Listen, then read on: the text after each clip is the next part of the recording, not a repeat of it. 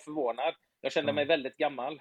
Ja, ja nej, men alltså det, nu, även fast jag lyssnade på avsnittet igår så kommer jag inte ihåg vad jag sa. Men eh, eh, det här med att barn och ungdomstränare i liksom Sydeuropa, Mellaneuropa, Östeuropa är ju så mycket mer status, eller vad jag och där finns det mer tränare som är äldre och har mer erfarenhet, för de anser sig vara skickliga, liksom yrkesstolthet att vara jättebra på ja. den, de här åldersspannen så att säga på något sätt. Yes. Um, jag, jag, köper det. Egentligen skulle de mest utbildade och mest erfarna tränarna vara på barn och ungdomssidan egentligen.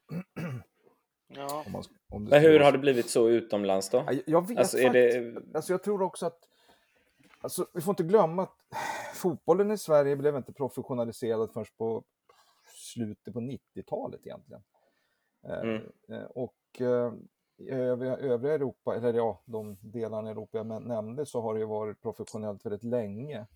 Och där har man kunnat haft eh, anställa tränare mycket längre, även i barn och ungdomsfotbollen. Och då har man liksom på något sätt eh, specialiserat sig på vissa års, alltså åldersspann på ett annat sätt. Liksom man, man, man, blir stolt, jag har tagit fram den, jag har tagit fram den och så vidare på något sätt.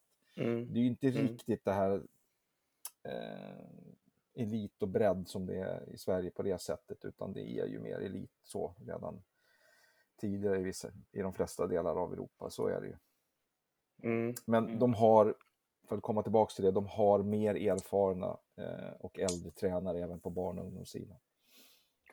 Och det, jag ska säga att de här unga, unga tränarna som jag såg, det kan vara jätteduktiga ledare som instruerar, men mm.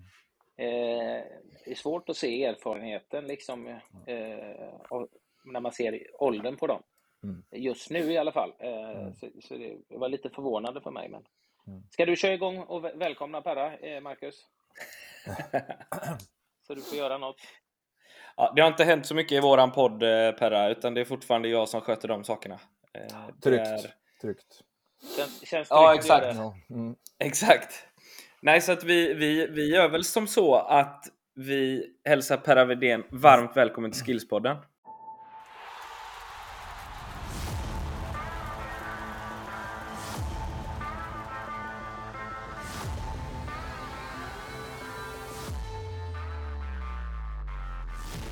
Tack så hemskt mycket. Kul att vara tillbaka. Kul att ha dig tillbaka. Mm. Ja, det är ju del två som, som, eh, som vi kör idag och det var ju väldigt önskat. Vi hade ett par frågor som vi inte hann att bränna av i första avsnittet och det var nog för att det var så jäkla intressant att lyssna på bara Per, tror jag. Så att vi, programtiden tog slut. Ja, inte bara lyssna, vi hade väl bra, bra samtal helt enkelt. Det är det som Exakt. Bra. Exakt. Anders, du var också duktig i det avsnittet tycker jag. Ja, jag tyckte att jag hade lite långa frågor. Jag får ge det rätt. Jag svamlar lite grann där. Jag har svårt att komma till skott, men jag, jag är också under utveckling. Mm, exakt. Inte, avveckling, utan utveckling. Ja, jag fattar. fattar.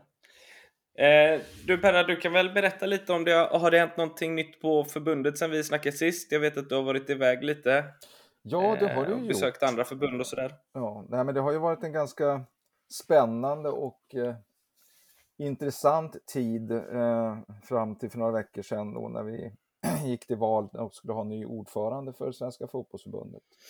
Eh, och det har det ju skrivits mm. spaltmeter om och pratats väldigt mycket om. Så att, men nu är det ju på plats och eh, jag var tyvärr eh, inte själv närvarande när Fredrik Reinfeldt besökte personalen här i onsdags. Jag var på ett annat uppdrag, men han gjorde tydligen ett väldigt bra intryck vad jag förstod. Ehm, eh, mm. Det som kanske påverkar oss tjänstemän än mer det är ju att eh, även vår generalsekreterare Håkan Sjöstrand har sagt upp sig så att vi kommer att få en ny generalsekreterare och det kanske påverkar oss mm. tjänstemän mer så att säga. Så att det, det är fortfarande en, en, spänning över det då. Just det. Um, och som sagt, jag var, förra veckan var jag själv iväg eh, på en, ett möte med den kommitté jag tillhör i Uefa som heter, nu gäller det att hålla tungan rätt i mun, Uefa Development and Technical Assistant Committee. Visst låter det häftigt? Det. det ja, låter grymt avancerat. det låter grymt avancerat, det kanske inte är så avancerat som det låter.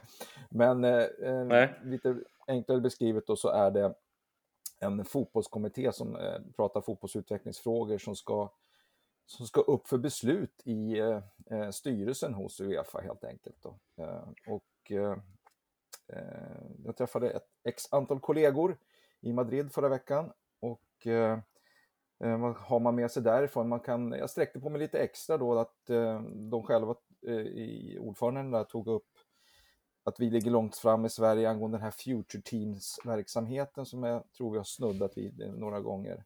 Mm, eh, ja, alltså de mm. spelarna som ligger lite längre efter i den biologiska mognaden.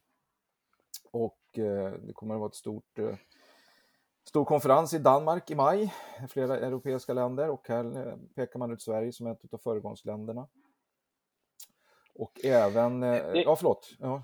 Nej, både jag och Marcus var lite nyfikna, men det kändes som vi avbröt dig där. Så kör... ja, ja, mm. jag, jag, jag, tänkte svänga lite grann, men jag kan avsluta med från det mötet också. Då. Jag tar ju de positiva bitarna med mig för svensk del också, att man lyfter fram Sverige då som ett av de länderna som ligger också längst fram i att se till att eh, utbilda våra utbildare, alltså de som håller i tränarutbildningarna. Att vi försöker ja. nu se till att de också får en bättre utbildning för att kunna vara tränarutbildare. Nu inveck- blev jag lika invecklad som dig Anders, men eh, helt enkelt se till, att ha, se, se, till att ha ett system och en fortbildning för våra tränarutbildare så att eh, kurserna ja. håller bra nivå. Ja, det är väl jättebra för att uppdatera mm. även liksom lärarna eller utbildarna är otroligt viktigt. För det, det går inte att gå i samma hjulspår hela tiden för fotbollen och allting förändras ju hela tiden. Och då måste man ju vara uppdaterad och se till att, att de som mm. lär ut är är mm. uppdaterade och eh, mm. på. Liksom. Så att, eh, mm. jag tyck, jag, det jag skulle vilja bara, som jag tycker är jätteroligt med det här med Future eh, Team som vi då blivit hyllade för i, i Sverige. Kan inte du förklara det, både för oss och för våra lyssnare, lite mer? Från vilken ålder börjar, börjar man jobba med det och exakt hur går det till? När det, för det, jag tycker det är jätteintressant och eh, ja, Ja, precis. Alltså det är en utvidgad landslagsverksamhet för, för unga spelare som är med senare fysisk mognad än, än genomsnittet på något sätt. Då. Och eh, alltså, som, som ni vet, det har en stor betydelse i fotbollen som spelare når tillväxt på puberteten tidigt och har ett försprång. Det har vi pratat om tidigare när det gäller kroppsstorlek och så vidare. Mm, mm. Och då har man en, en, en ja. mätmetod då som jag faktiskt inte kan i detalj, men man tittar på hur långt procentuellt man har kommit i den biologiska utvecklingen. Eh, och, och, vi mm. börjar från 15 års verksamhet, eh, 15 eh, års verksamheten då. Och eh, som ett exempel kan jag ta då att eh, kanske inte den senaste, för det var alldeles nyligen, men den näst senaste U21-truppen som togs ut, eh, så var hälften eh, från hade passerat genom eh, Future-verksamheten. Eh, så att de kom mm. inte bara från det, man ska säga så, ordinarie P15 och P17-landslaget utan från hälften av truppen i u landslaget kom från Future-verksamheten. Och det tycker vi är häftigt okay. på något sätt. Mm.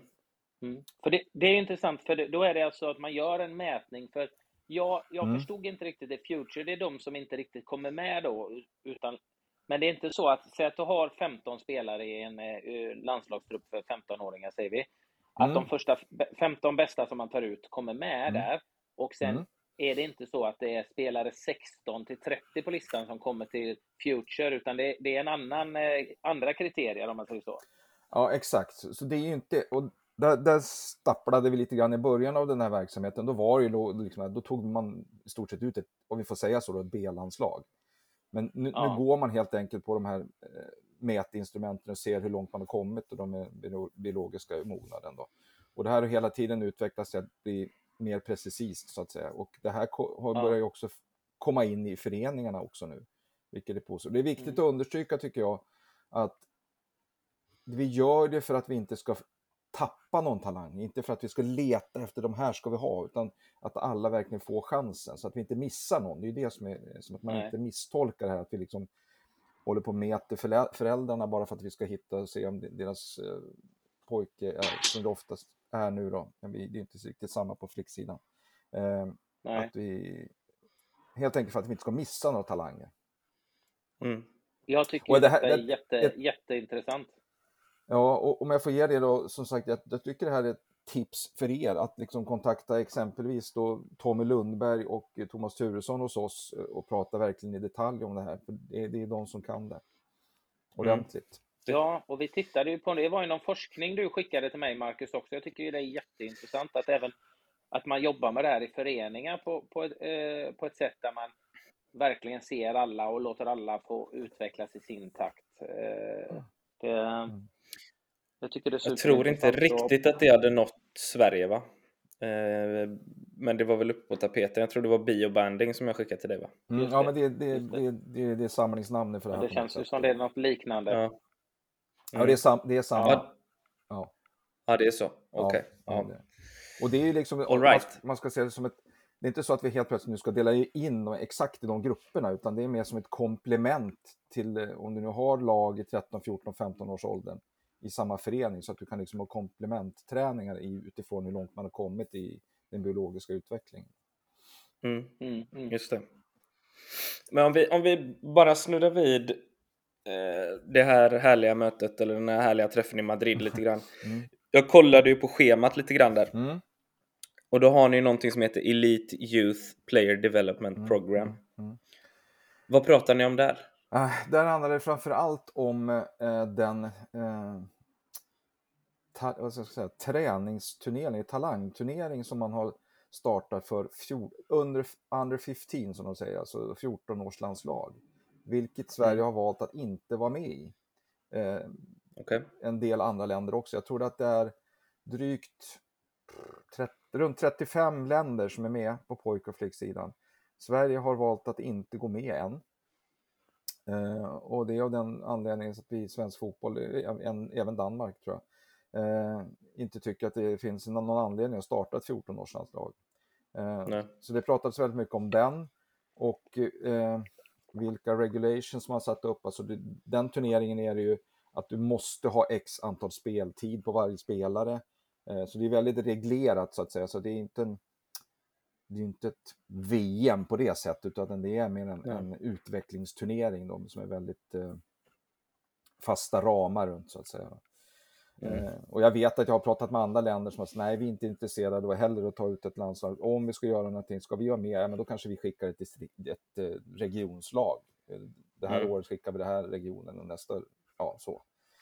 Mm. Um, de diskussioner vi har haft, det här är ju ett beslut som ska tas på högsta nivå om vi ska ha starta ett sånt lag. Dit har vi inte kommit än, men när vi har diskuterat så tror jag då har vi diskuterat i de här termerna. Ja, men då kanske ska vi, ska, som vi pratade om nu, som Bioben, titta på att ta ut lands, ett sånt landslag utifrån de kriterierna istället. Mm. Eh, mm. Så det förs, pågår diskussioner i Sverige, men det kommer inte att fattas något beslut inom de närmsta två åren skulle jag tro. Nej. Fattar. Mm. Vad gör du Anders? Eh, nej, jag, jag, stängde av min kamera för jag vet inte, min fru jobbar hemifrån och jag vet inte om hon tar allt eh, wifi. Eh, för hon jobbar ju på SISU, så hon har ju möten här nu. och jag sitter inne i ett rum, men jag, hör ni mig okej? Okay, eller för, för mig hackar ja. ni lite grann ibland och jag eh, vet inte om det är hos mig det är dåligt. Okej. Okay. Ja, jag har det jättebra. Det är Perra som hackar för mig. Han är ju ja, betydligt kan... intressantare än vad, det, än vad du är, Marcus. Så... Mm. Mm. Ja, jag sitter också hemma där... kameran. Ja. ja jag kanske ska göra det också, för jag sitter också hemma där det är fler som har eh, försöker sno lite wifi. Jag, jag gör så. Det är helt okej. Okay. Jag, jag, jag, tänk, tänk, jag tänkte att jag vet inte, jag är väldigt novis när det gäller det, men jag tänker att om jag tar bort kameran så kanske ljudet blir Då... stabilare. Jag vet inte. Mm. Kanske. Det är, en, det är en bra tanke, Anders. Men du, Men... du, hör, du hör mig okej, okay, Marcus, bara så att jag är okej? Okay. Ja, absolut. Hörs jättebra. Absolut. Ja. Mm. Och om inte så får jag trolla lite i redigeringen sen. Men det är lugnt. Vi fixar ja. det. Ja, bra. Mm. Eh, bra Perra. Vi, vi, mm. Var det någonting annat du tog med dig från det mötet från de andra länderna som du, som du pratade med förresten? Jag blev bara besviken på eh, min kroatiske vän som hade, de har skrivit en, en stor bok eh, om deras talangutveckling. Och den gav mm -hmm. han till eh, ordförande. Eh, och jag tror inte han var speciellt intresserad av den, utan jag hade bättre om han hade gett den till mig. Ah. Ah, okay. jag, jag, frågade, ah. jag frågade honom, är det här liksom Kroatiens eh, hemligheter nu? Ungefär, mm. eh, han sa det, det finns inga hemligheter, sa han. Det finns inga hemligheter. Vi har bara haft lite bra generationer. Ja. Är det så alltså? Ja, han sa så. Jag, jag vet inte. Lite grann glimten i ögat i och för sig. Men... Ja, det är klart. Det är klart. Eh, men jag ska, nog, jag ska försöka att... leta rätt på den där eh, boken. Den var, den var tjock. Den var skriven av de fyra största akademierna i eh, Kroatien. Ja, just det. Mm. Ja, någonting gör de väl bra och säkert massa ja. saker sämre också såklart. Ja. Eh, men, men eh, det är ett ganska litet land som, som mm. skickar fram ganska många fotbollsspelare mm. som når eh, europeisk toppnivå. Ja, så det hade varit intressant att se. Mm. Ehm, vi har fått lite frågor igen då Perra. Ja. Ehm, och det är högt och lågt återigen. Mm. Och vissa frågor är till er båda kanske, så att ni får hjälpas åt och, och svara på bästa möjliga sätt. Eh, men om vi ska ta nummer ett då. Det är lite från förra gången och nu får du rätta mig här Anders om, om vi var inne jättemycket på det. Eh, men det kom in väldigt mycket frågor om rådslagen. Förra ja. gången. Som vi inte hann gå igenom eh. till punkt och pricka tror jag. Jag kommer ja, ihåg, vi, jag har ju lyssnat. Vi pratade ju om har... det där. Eh, ja. Nej, men jag, jag lyssnade på, jag tror det var Allbåge som tog upp det eh, mm. i, i ert avsnitt och, så och sa att det får ni fråga Per om. Så jag har inte fått frågan så. så att, eh... Nej, precis. Men vi pratade och... ju lite grann om det, liksom att, eh, att försöka bli bättre på och kanske använda eh, spelare som har varit utomlands och stora tränare, mm. även tränare som har varit utomlands. Inte mm. att skapa några roller i förbundet, men att ha något slags något råd och, och tanka av eh, kunskap och information, att sitta och ta mm. träffar mer än att man har, skapar positioner och roller i, i förbundet, för det blir omöjligt. Men mm. mer eh, att ha någon slags ja, träffar egentligen, för mm. att sitta och bolla och utvecklas. Mm. Nu, nu tror jag vi får skilja på vad säger man, mm. äpplen och päron här va? Mm. För, ja. för rådslagen, det var ju de här när nu den sven man har tagit fram en ny eh, strategi för svensk fotboll. Mm. Eh, då det skulle vara rådslag ute i distrikten. Eh, mm. Och jag vill minnas Alvbåge hade varit i kontakt med både Örebro och Göteborg och inte fått någon vidare respons om jag tolkar det rätt.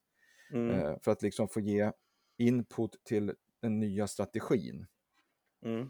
Eh, så det är rådslagen. Sen, sen, tror jag själv att jag, jag själv tog upp i på förra avsnittet att vi är väldigt intresserade av att liksom göra lite referensgrupper eller tankesmedier Precis. tror jag jag sa med mm. eh, för detta spelare eh, och eh, tränare som har, kanske inte behöver vara för detta tränare, men tränare som har varit utomlands och skaffat sig annan eh, kunskap och, och kompetens än som man har fått mm. i, inom svensk, svenska gränser. Mm. Och, och, den bollen har vi fortfarande, men vi har inte kommit till skott med den så. Mm. Ja, han var ju inne på, just när det gällde rådslagen, det var ju mm. Det var ju att han tyckte att det hade väl marknadsförts lite dåligt. Mm. Eh, eller rättare sagt jäkligt dåligt, eh, tyckte han. Och, ja. och eh, mm. var inne på det här att om det är en så viktig puck eh, som han anser att det är då, och om jag tolkar det rätt så tycker jag också att det är ganska viktigt att ja. medverka på om man har någonting att säga om, mm. om fotbollens strategier. Mm. Ja, men så, jag kan ju förklara hur det går till då, eh, mm. lite snabbt. Alltså det finns ju, eh, alltså det är förbundsstyrelsen som äger, eh, vad ska jag säga, eh, initiativet till en ny strategi då, eftersom den gamla gick ut självklart. Och då skulle mm. man först titta på ett nuläge eh, och ett ja, framtida läge, helt enkelt ett önskat läge om tio år framåt. Och mm. då, de som involverades i det här, det var ju liksom distrikten framförallt, både förtroendevalda och tjänstepersoner. Du har SEF, IFD, alltså intresseorganisationerna och ettan fotboll också. Mm. och du har också föreningarna som skulle bjudas in av distriktsförbunden. Eh, mm. Så att jag hoppas ju naturligtvis att distrikten har gjort det och att man då som förening tar chansen och, och eller tog chansen att vara med och eh, spelade in sina eh, åsikter. Och sen vet jag också att spelarföreningen var också inbjuden, tränarföreningen mm. var inbjuden och så vidare. Så att, eh,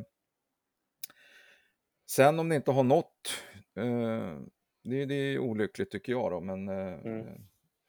så skulle det ha fungerat i alla fall. Just det. Just det. Mm. Ja, det, det var nog, och han var inte, det ska sägas att Alvbåge var inte ensam om att skicka in frågor om just rådslagen. Eh, där många har känt sig lite passerade tror jag. Mm. Eh, mm. Inte kunnat vara med och så vidare och, och det har kommit ut sent och, mm. och lite sådana saker. Så mm. han var inte helt ensam, han, han var den som lyfte det, absolut. Ja, det, det är ju väldigt olyckligt, för som sagt, eh, föreningarna ska ha varit inbjudna av, distriktsför, av distriktsförbunden. Då.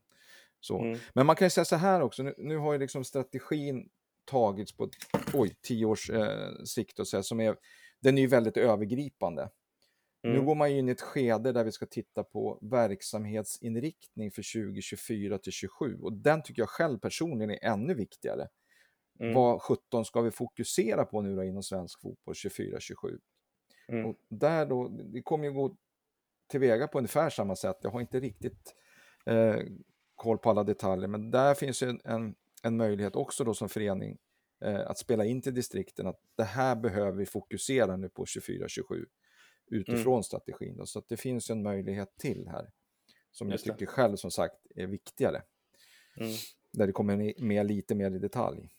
Ja, precis. Sen har jag en fråga, den kanske inte är till dig Perra, men vi hade ju med, vi hade ju med Thomas eh, Hasselgren i podden. Mm, ja, men det har jag lyssnat på. Ja.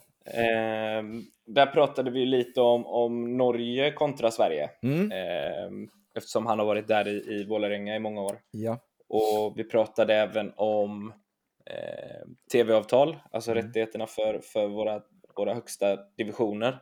Där de avtalen ska vara ungefär i samma storleksordning. Bara det att Norge väljer att ge mer pengar tillbaka till klubbarna från ja. den. Eh, från det avtalet. Mm. Eh, det kanske inte är en fråga för dig, men, men du får gärna skicka oss vidare mm. till rätt person sen, för det tycker jag är väldigt intressant. Var, var, hur öronmärker vi de pengarna och vart går de pengarna eh, som vi inte ger tillbaka till klubbarna, så att säga? Ja, eh, om det, alltså, så här är det ju.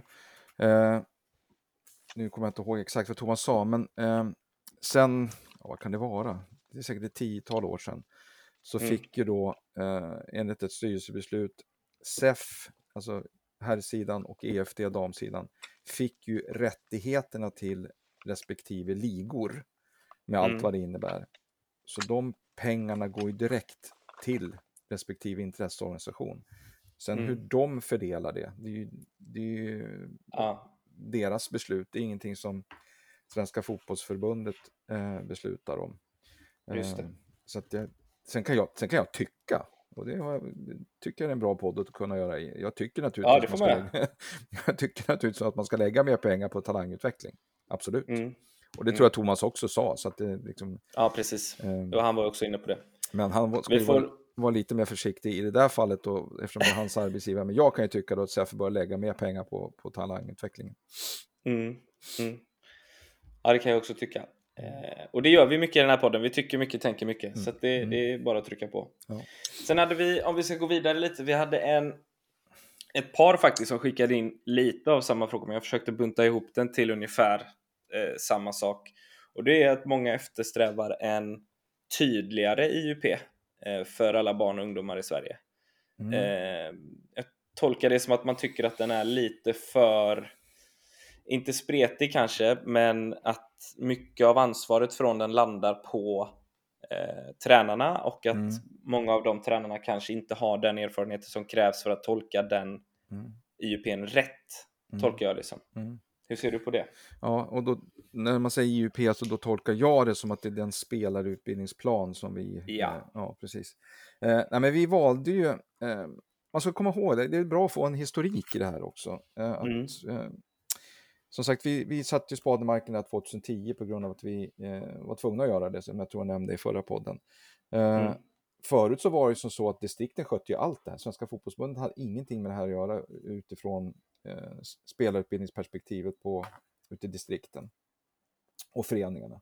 Vi, vi, mm. vi pratade ju inte med föreningarna utan det var ju distriktens uppdrag, så vi pratade hela tiden bara med distrikten. Men sen har det ju skett eh, en, en förändring eh, och distrikten har också räckt ut handen att vi skulle hjälpa dem. Eh, och då tog vi fram, precis som, som frågan, frågeställaren säger, då, det är en generell spelarutbildningsplan Mycket mm. för att vi vill inte att allting ska, att man liksom, att man ska få liksom tänka till själv lite grann också. Uh, så att varje förening får liksom bygga sin egen spelarutbildningsplan utifrån det skalet som vi har levererat. Mm. Så att det passar dem. Uh, så, mm. så, så mm. var tanken. Ja. Men jag kan ta hem jag kan ta, ta med mig, liksom, det kan hända att vi kan ha en ytterligare en variant där vi liksom skruvar åt den lite, man kanske inte säger hårdare, men mer tydligare då, som man efterfrågar. Mm. Att gör så här, gör, gör ingenting annat, gör så här. ja, ja. Eh, men vi vill ju liksom ha, liksom att vi vill ha tänkande spelare, vill vi ha tänkande tränare också. Så att man liksom mm. på något sätt, eh, så det förklarar varför vi inte gjorde den tydligare, det var att vi ville att föreningarna själva skulle liksom jobb, jobba med det här eh, aktivt. Mm. Mm. Eh, men eh, eh, det kan ju vara en idé att ha en, ett parallellspår, att den här, vill ni ha en tydligare modell, ja, gå, på den, gå till höger då. då. Ja, precis. Exakt. Mm. Hur ser du på det, Anders? Har du nyttjat eh, SVFFs spelutvecklingsplan?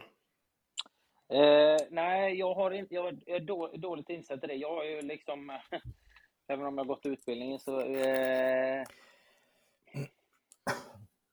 så, så, så är jag dålig och dåligt på att följa den, det måste jag säga. Eh, jag har ju lite tankar det, själv, liksom vad jag tycker ja. att spelare ska eh, mm. kunna i olika åldrar och vad jag försöker lära ut som, till unga spelare eh, egentligen. Så att eh, lite, lite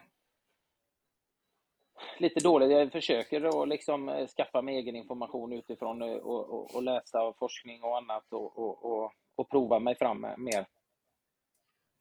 Mm. Och så har du 35 års egen erfarenhet av att spela fotboll också. Ja, men jag har ju, jag har ju ganska starka ta tankar och åsikter vad jag tycker är viktigt och, och, och lära sig i fotboll och vad jag försöker lära ut olika tekniker när de är ganska små barnen då som, som, som eh, Eh, som jag har haft. Det är först nu de börjar komma upp och bli tonåringar. Eh, just att spela mm. spelet med, med fotboll och förstå, förstå själva fotbollsspelandet och spela med huvudet och spela med sina lagkamrater.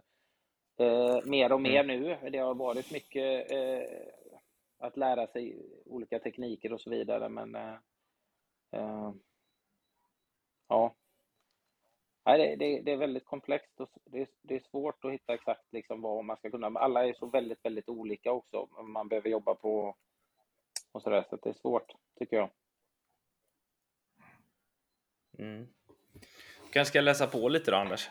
ja, jag försöker, jag försöker det. det. Jag försöker det. Jag, eh, samtidigt som man... Eh, att jobba med en stor grupp med, med olika eh, individer som eh, det kan skilja nästan fem år i, i, i mognad på dem i, i samma ålder. Liksom det, det, det, är svårt. att försöka dela in i grupper och försöker jobba, för, försöker få dem att lära sig grunderna och de som har kommit lite längre försöker man utveckla lite mer och, och lära mm. dem nästa, ta det steg för steg liksom. Men det är svårt, det, det, det är komplext och det, ja.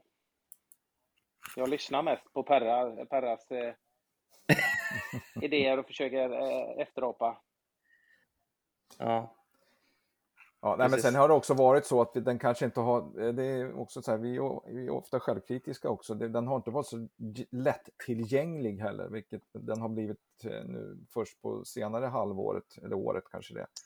Så att mm. vi har gjort den mer lättillgänglig, den har liksom legat på en, en portal och kanske varit svår att dela med kollegor i laget och sådana saker. Och, så att eh, vi har gjort den mer pedagogisk och lättillgänglig det senaste året faktiskt. Mm. Ja, det är ju svårt när man det och, och eh, just att få ut det och så dela med sig det till alla andra tränare och sen så är det många tränare som eh, de flesta tränare i breddföreningen som, som jag har ju eh, stora jobb vid sidan och så kanske man inte riktigt har tid att skaffa sig utan man mer dyker upp och så lämnar man huvudansvaret till, till någon person. Då, så att, eh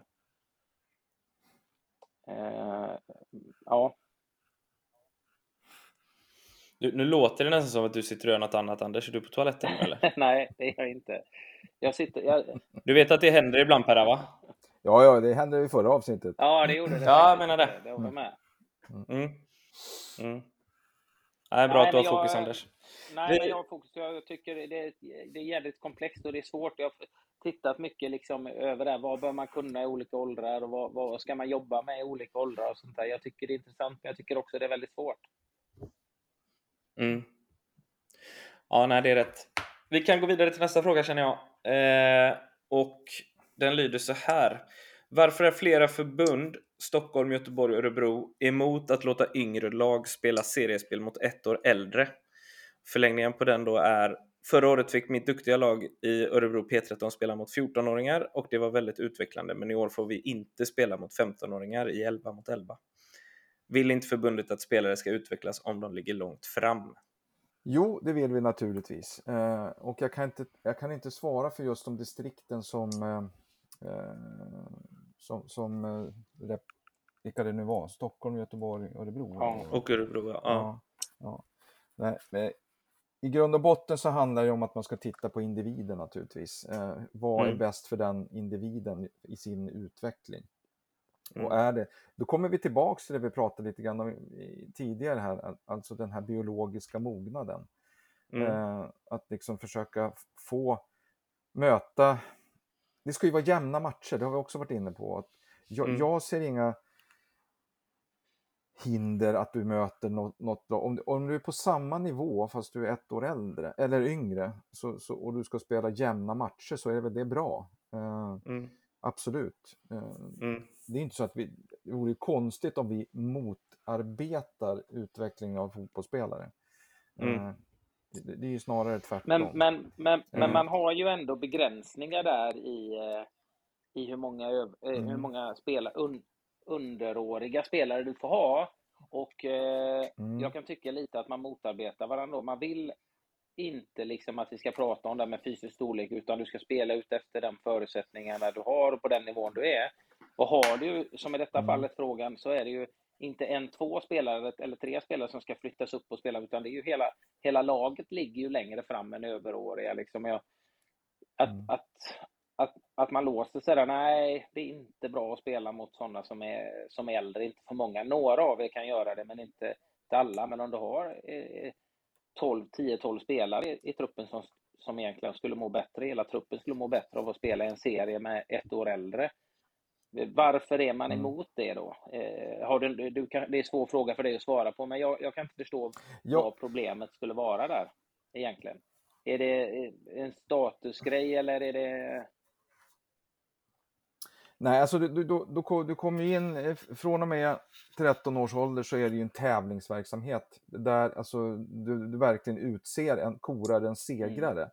Så jag vet inte om det är det som sätter liksom, käppar i hjulet på något sätt. Utan jag, jag har inget, för mig som jobbar med utveckling så handlar det om att titta vad som är bäst för den individen och kanske då i det här fallet vad är bäst för det här mm. laget. Mm. Mm.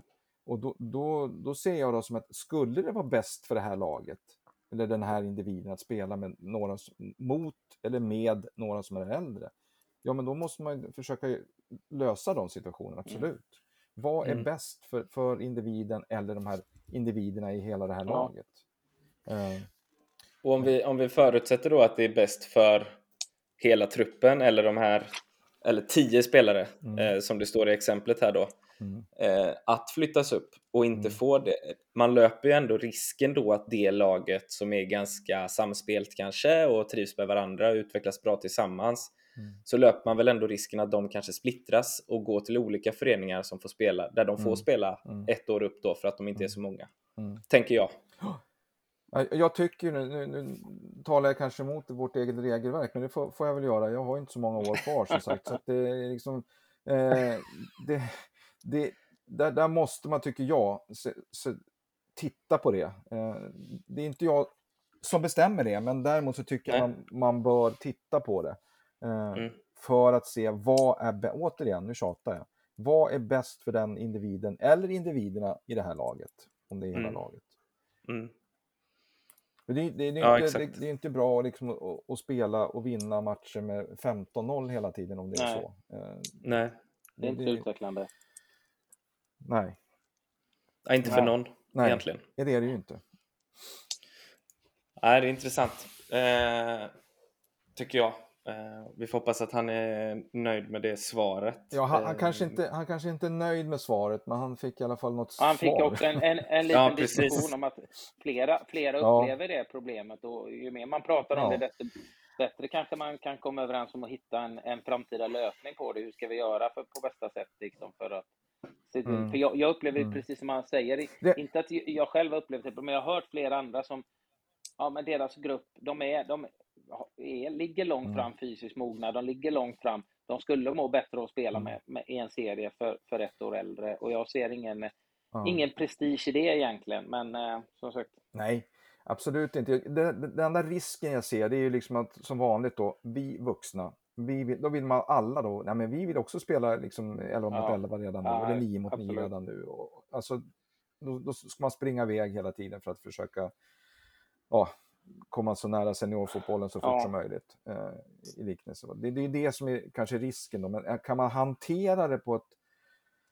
klokt sätt, eh, mm då borde det kunna fungera. Men som sagt, det finns ju en risk eh, och det vet vi. Det, det... Ja, det blir väldigt många andra som ser det också. Ja, men de spelar ett år, eh, mm. ett år äldre och då får de spela 11 mm. mot 11. Det vill ju vi också göra, men mm. då flyttar vi också upp ja. en nivå. Ja, du får ju det problemet.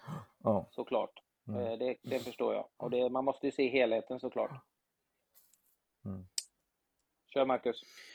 Hur, hur mycket influeras vi i Sverige av, av, av utländska influenser så att säga i, i våran spelarutveckling? Tar vi till oss mycket där? Är vi duktiga ja, på det, eller behöver jag. vi inte det? ja, men man säger så här, man får ju skilja på rollerna också. Alltså, eh, jag tror att tränarna som ska stå för utvecklingen av svensk fotboll, för det, det kanske inte Svenska fotbollsförbundet som ska göra, utan vi ska väl tillhandahålla liksom, verktygen eh, för en tränare. Men sen är det ju tränarna som, som fortbildar sig själva och i dagens eh, samhälle med internet och allt vad det är. Det låter precis som internet har kommit igår. Men, nej, men, alltså, du, du har så gammalt är det. du har ett enormt utbyte eh, över landsgränserna idag med kollegor på tränarnivån. Eh, mm. Man skapar nätverk och man, eh, man, man kollar på YouTube. Och man, alltså, det är så enorm skillnad mot hur det var förut. Så mm.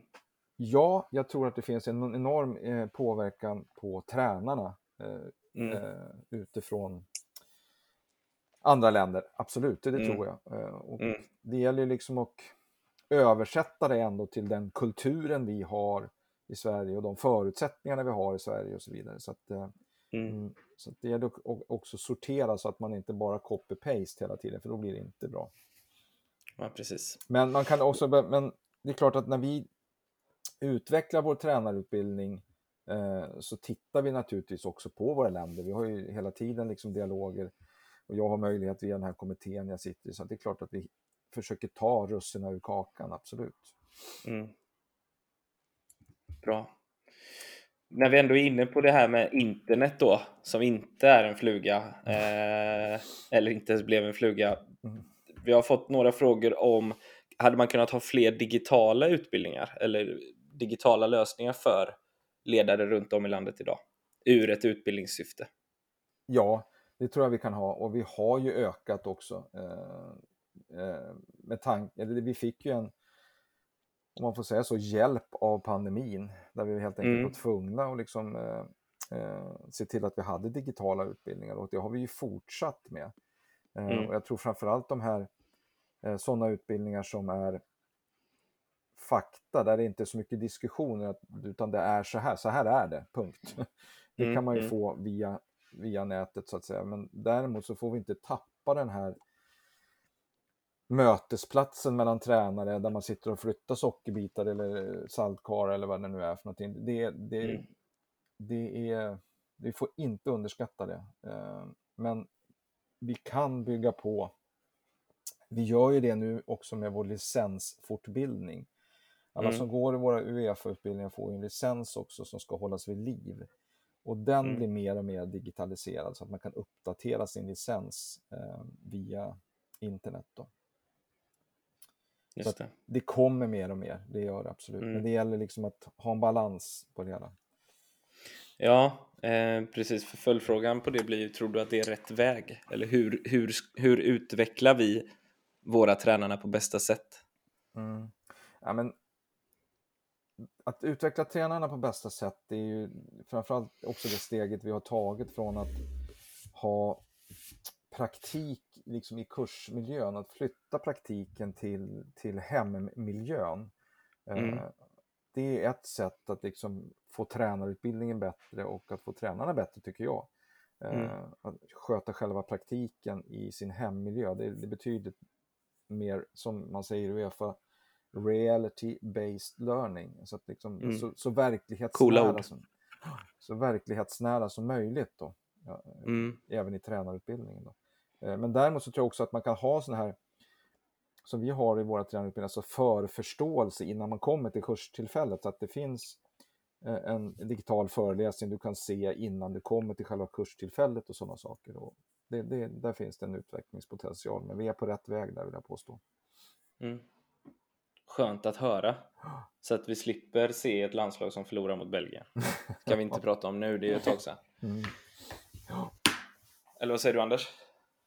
Jag, jag säger att det är ingen skam att förlora mot Belgien som är ett väldigt, väldigt bra lag. Eh, att, eh, sen, eh, sen, eh, Nej, det är det inte. Det, sen finns det mer att önska av, av Sveriges sätt att spela och också att vad vi ska, jag tycker det är en, en stor fråga, men vad ska vi göra för att få fler spelare vara tongivande i sina klubblag ute i Europa?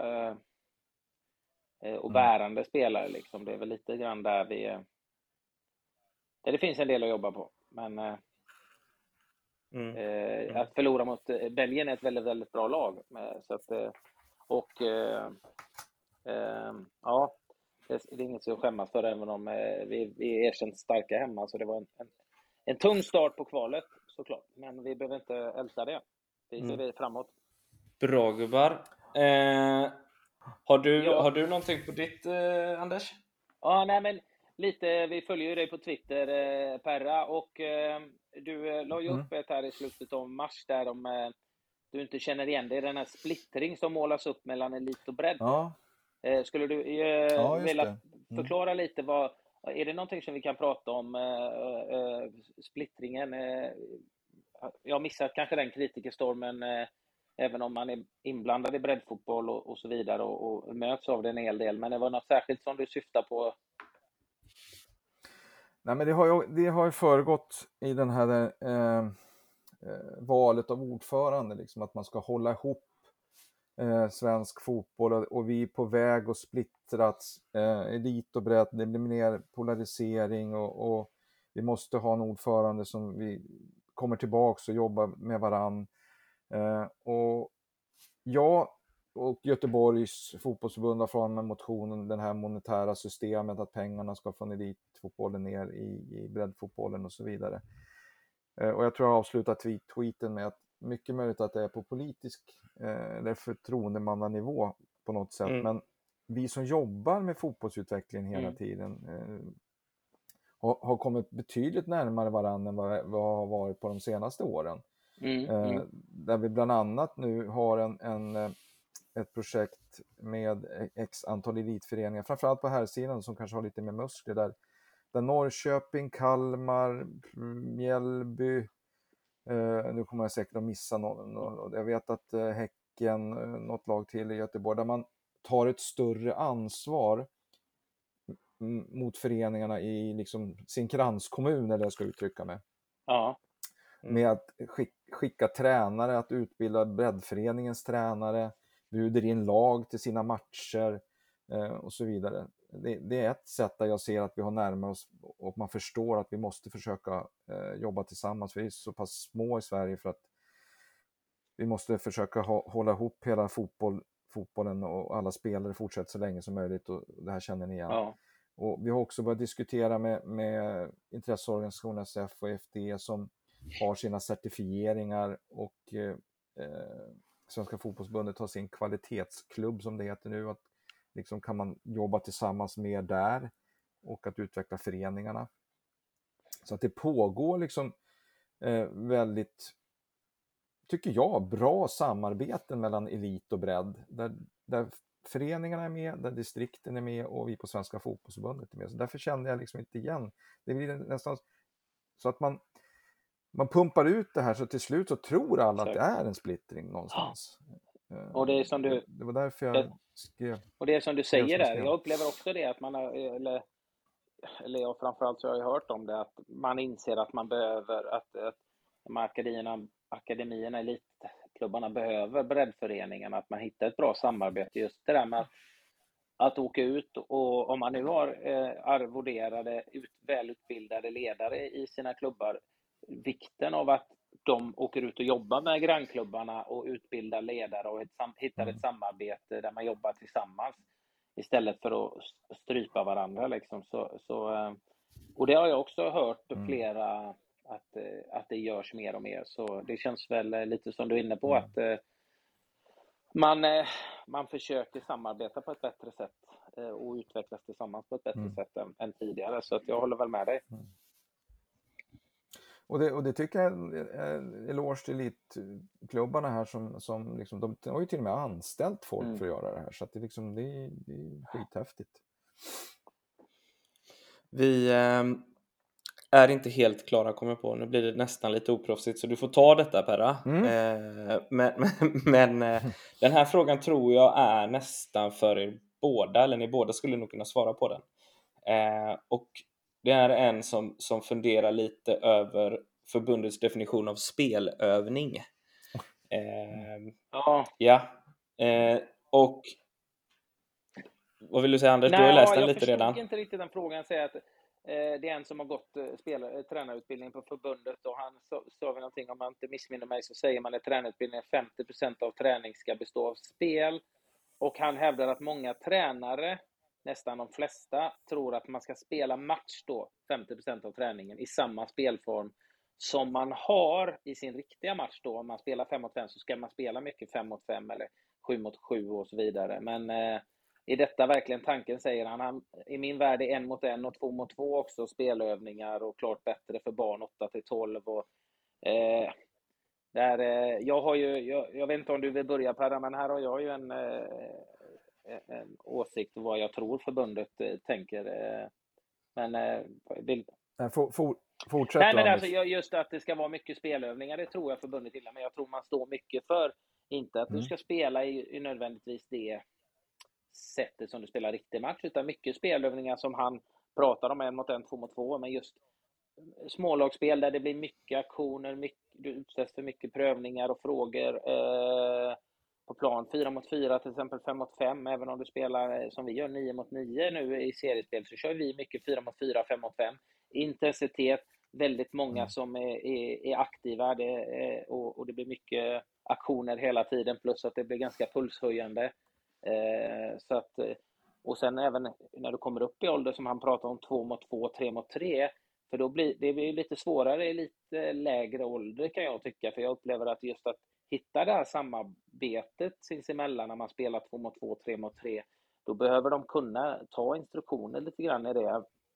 Även om i syftet i sig med många aktioner när det är mer mindre spelare på plan, att det inte går riktigt att gömma sig. Eh, men eh, jag tror ju att eh, det han beskriver, att han misstolkar det, att förbundet skulle vilja att man spelar 50 procent, hälften av träningarna i det sättet man spelar, utan just få in många spelmoment och övningar där det blir så mycket aktioner som möjligt tror jag. Det är min tanke i alla fall.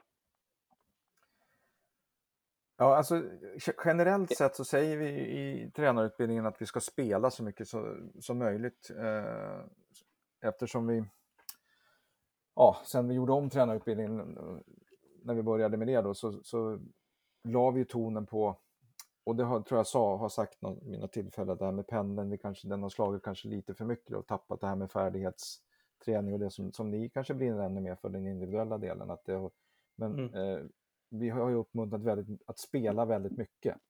Eh, så att jag vet inte om det är det som han menar att han tycker att det är... Ja, jag, jag, jag, jag har svårt men eh, jag tycker det, du, det, det, svaret du gav Anders tycker jag är, är duger så väl som något annat. Ja, mm. jag tycker också, jag är också för mycket av, mycket av spel för utsätt, men just det, just det här har målat sig in att spelar vi 7 mot 7, så när vi spelar, hälften av träningen ska vara 7 eh, mot 7-spel. det tror jag inte riktigt är vad mm. förbundet menar med att det ska vara mycket spel, utan det kan vara i olika formationer och olika moment. Nej. Eller, ja, inte, eller Ja, precis. Det kan ju, alltså en spelövning kan ju vara anfall mot, alltså hela tiden att du har ett, en, ett anfallslag som, som, som kör mot ett som försvarar och man gör det tio repetitioner precis. eller vad det nu kan vara. Liksom. Så det är också en spelövning. Ja. Så, att, så det var väl mm. egentligen det han vill ha svar på? Han är nog inne lite, mm. han är nog inne lite på att om man, om, man, om man spelar för många, det vill säga om man kör till exempel 7 mot 7 då, mm. eh, så är han inne på att det oftast blir så att en eller två spelare per lag sköter spelet så att säga. För att de mm. lig ligger lite längre fram. Så att om man bryter ner det till en mot en, två mot två, tre mot tre så får alla en större möjlighet att, att röra bollen så att säga. Mm. Jag tror han tror har det är där han är inne på ja, det. Dels det, sen så tror jag han har misstolkat det lite grann just där med att eh, förbundet vill att man ska spela 50 och det behöver inte vara ett matchspel, det är ju olika spelövningar, det behöver Nej. inte vara matchspel exakt ja. i den spelformationen du spelar Nej. i, utan det Nej. finns en massa olika spelövningar. Det är det man är ute efter. Mm. Mm. Det kan, oh, ursäkta, det kan ju vara... Du kan ju ha, ett, eh, liksom ha ett, en spelövning där det är fokus med, på en mot en situationer, liksom att försöka skapa det hela tiden ja. i en spelövning. Så att, mm. Absolut. Fokuset här är 8 till 12 år då, ska sägas. Ja. Mm. Bra boys! Eh, mm. Det var sista frågan för idag. Eh, det dyker säkert upp fler längre fram, men då får vi slå en pling Perra. Vi, vet, ja. vi har ditt nummer så vi kommer jaga dig i så fall. Ni är alltid välkomna. Ja, gud vad schysst. Underbart att höra. Eh, bra, då får vi tacka så mycket för idag. Eh, hoppas att eh, det blir många eh, fler givande möten både i Madrid och övriga ställen Perra. Ja. Som du kan ta med dig hem lite erfarenheter och även eh, ge dem lite svar på tal hur vi gör här hemma. Så att säga. Det tycker jag vi gör. Så att det, det, jag känner mig ganska, ja, jag var faktiskt ganska stolt när jag var Ja, det ska du vara. Måste jag säga. Ska det, vara. det, det, det var häftigt. Det finns ju väldigt mycket vi gör bra. Det ska sägas också att Jesper Karlsson är ju... Mm. Ja, Future-verksamheten har ju ändå bidragit till att Jesper Karlsson nu spelar i, Exakt. i A-landslaget. Mm. Eh, han var först va? Eller hur var det? Ja. Eh, jag tror faktiskt han var först genom Future Team-verksamheten. Ja. Mm. Mm. Det blev en ganska fantastisk spelare. Du har ju spelat med honom Anders. Eh, nej, det har jag inte. Men eh, han, han... Nej, men jag, inte. jag var ju hjälp... Du var med på träning var du? där när Elfsborg hade det lite tufft där han, eh, i början när han kom. Så att jag, jag känner honom. Och eh, vi ville ha med honom i podden också mm. och berätta lite om hans upplevelser av det. Eh, jag var ju själv i den... Eh, jag, det fanns mm. ju ingen Future på min tid, utan ja. jag var ju sen utveckling. Jag var inte ens på uttagningar för stadslag och så vidare. Så att jag tycker det är en jättebra idé och tanke som man gör för att få med sig så många som möjligt eh, mm. att fortsätta med fotboll. Och man ger dem en chans att utvecklas i, i, i sin takt helt enkelt och följer upp. Så att, eh, det ska bli jättekul att prata med Jesper också som ska vara med här framöver. Jag är väldigt glad att du var med igen Perra. Det är alltid trevligt att prata och höra, höra dig och dina tankar. Så tack! Detsamma! Eh, jag tycker det är bra. Ni gör ett bra jobb. Kul! Detsamma! Detsamma. Mm. Vi av framöver. Så ja, ni ha det så bra grabbar. Ha det gott. Ha det bra. Tack. Hej. Ciao. Ciao. Hej då. Hej då.